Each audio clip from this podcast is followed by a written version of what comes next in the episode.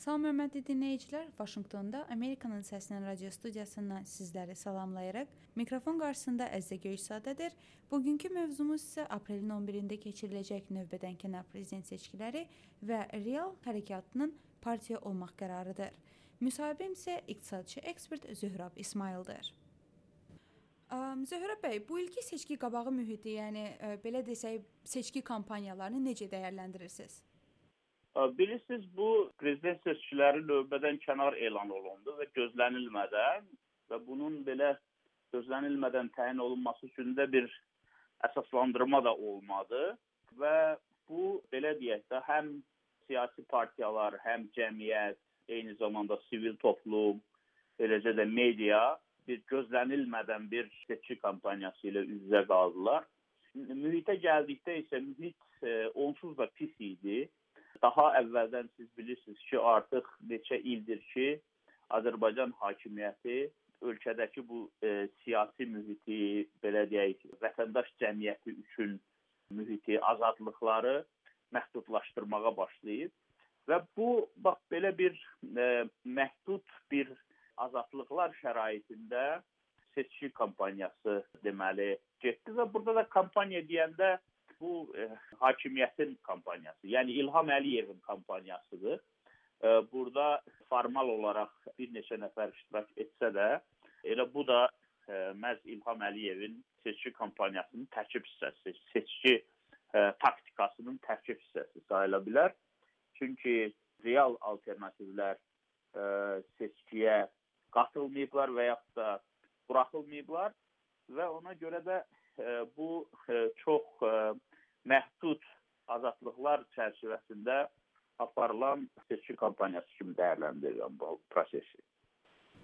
Siz də qeyd etdiniz ki, bu seçkilərin növbədən keçirilməsinə dair, yəni hakimiyyət tərəfindən heç bir izahat verilməyib, amma yəni fəallar və ə, yəni siyasi ekspertlər buna dair bir neçə versiya irəli sürüb. Siz bunun səbəbini də, də görürsünüz? Sözsüz ki, bir neçə e, burada versiya var. Versiyalardan biri ondan ibarət. Hakimiyyət daxilində qruplar var və o qruplar e, arasında da anlaşılmazlıqlar var. Siyasi mübarizə prosesi gedir. Və birinci xanım e, Mehriban Əliyeva birinci vitse-prezident təyin olduqdan sonra onun e, özünün klanı, onun ətrafı, onun komandası eyni zamanda onu prezident kürsüsündə görmək istəyirdilər. Yəni belə bir ideya vardı. Ümumən Mehriban Əliyeva birinci vitse-prezident postuna gətiriləndə irəli sürülən versiyalardan biri də ondan ibarət idi ki, İlham Əliyev hakimiyyəti öz xanımına ötürəcək. Və bundan da yararlanmağa çalışanlar var idi. Mehriban Əliyevanın öz ətrafı, öz klanı, öz qrupu.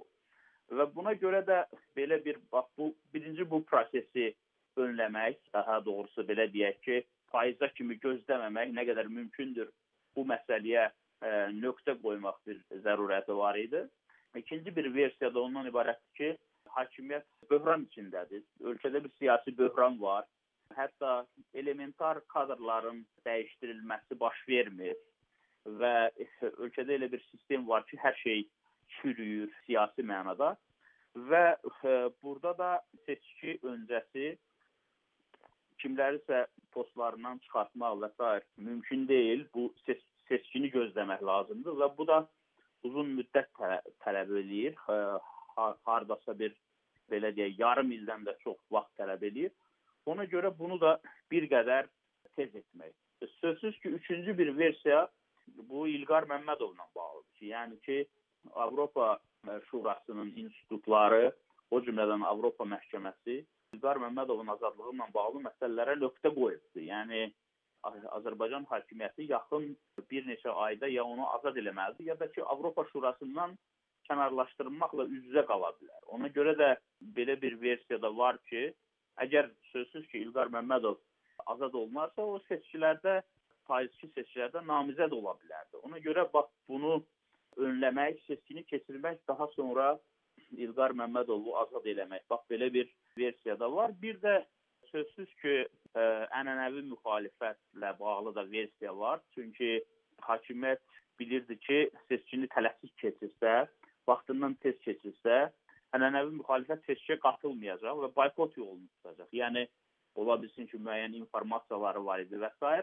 Bir növ onları da hazırlıqsız tutmaq və əslində belə görünür ki, hakimiyyətin əsas məqsədi alternativsiz bir seçki keçirmək idi və ona da ə, nail oldu. Bəs bu müxalifət partiyalarının, yəni əsas ənənəvi partiyaların, həmçinin realın seçkidə iştirak etməkdən imtina etməsini necə qiymətləndirirsiniz? Yəni bu doğru addım idi? E, ilk növbədə onu qeyd edeyim ki, Respublikaçı Alternativ Partiyasının seçkilərdə iştirakdan imtinası məcburi bir e, imtina idi, məcburi xarakter daşıyırdı. Yəni ki, Respublikaçı Alternativ Partiyasının namizədi, onun lideri həbsdə olduğundan və indiki hüquqi şərtlər onun seçkidə iştirakına imkan vermədiyindən Respublikaçı Alternativ bu seçkilərdə seçkilərdən imtina etməli oldu. Yəni onun bu belə deyək də bu burada iştirak e, iştirakdan imtina edəndə başqa namizədlər iştirakdan imtina demək idi. Bu faktiki olaraq. Əgər realın sədrinin hüquqi cəhətdən bu prosesdə iştirak etmə imkanı olsaydı, sözsüz ki, real bu prosesdə, bu seçkidə iştirak edəcəkdi.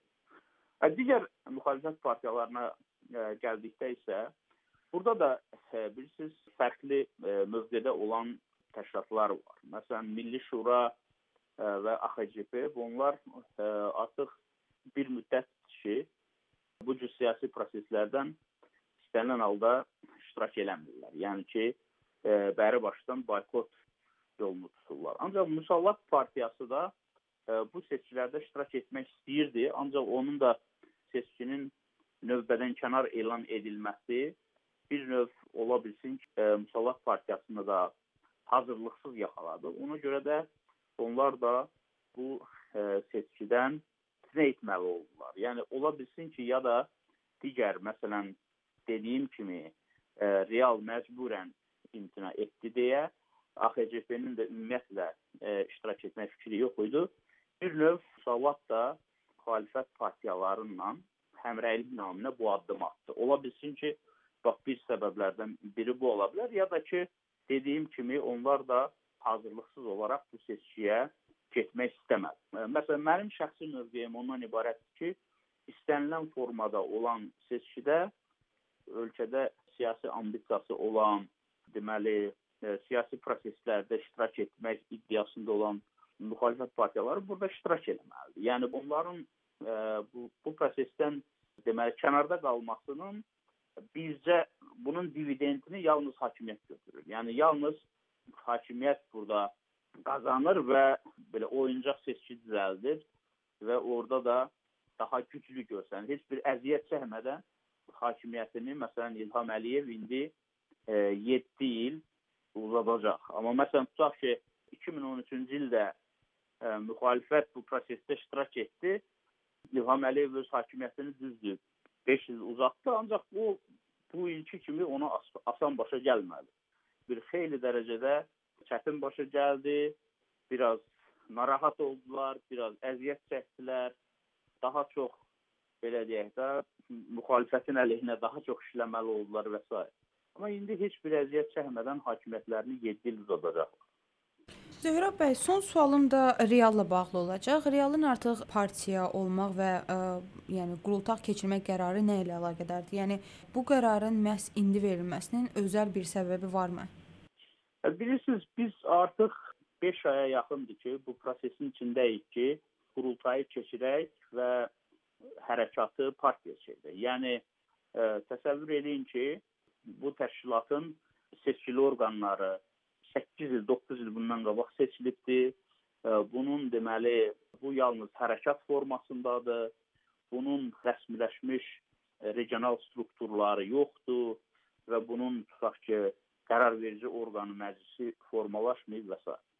Və bu belə bir şəraitdə siyasi fəaliyyət göstərmək olduqca çətindir. Ona görə də bu partiya quruculuğu prosesi artıq 2 il bundan qabaq başlamışdı və bizim bir çox deadline-larımız var idi ki, həmin müddətdə biz bunları başa çatdırmalıydıq. Səbəblərdən biz bunları başa çatdıra bilmədik. Əsas səbəblərdən də biri ondan ibarət idi ki, hakimiyyət e, qurultayın keçirilməsi üçün yer vermirdi. Və bu oktyabr ayından başlayaraq e, bizim çox cəhdlərimiz oldu. Yəni ki, hər bir səviyyədə, yəni elə bir yer qalmadı ki, biz ora müraciət eləməyək ki, qurultay üçün ə, yer alaq. Və bütün bu imkanlar tükənəndən sonra bizim ə, iki variantımız qalır. Bax bu ə, ölkənin xaricində keçirmək ya da ki, bax bu belə ə, onlayn, offlayn ə, bir ofisdə bir qurultay keçirib seçkili orqanları seçmək lazımdır. Və biz bunu əslində çoxdan eləməli idik. Ancaq məsələn bəzi e, bizim idarətin üzvləri onlar düşündülər ki, mümkündür ki, bu prezident seçkisi ərəfəsində bizə yer verə bilərlər. Yəni ki, hakimiyyət imitasiya xatirinə toplaşma azadlığını deməli göstərmək naminə, yəni onu görüntüsünü yaratmaq naminə mümkündür ki, bizə də yer versin. Çünki başqa siyasi təşkilatlara, siyasi partiyalara belə imkanlar yaradılır. Və bu e, imkanlardan da biz e, istifadə etmək qərarına gəldik. Mart ayının 12-sində müraciət elədik 16 ünvana, o cümlədən dövlətə məxsus olan yerlərə müraciət elədik. Ancaq heç birindən müsbət cavab almadıq. Ala bilmədik. Daha doğrusu məsələn bəziləri ümumiyyətlə cavab vermədi, bəziləri bu gün sabah, bu gün sabah bu cavabları həftələrlə uzatdılar və biz anladıq ki, hakimiyyət bizə yer vermək istəmir. Daha doğrusu yer vermək bu bir məsələnin bir tərəfidir. Hakimiyyət respublikaçı alternativin partiya kimi formalaşmasını istəmir.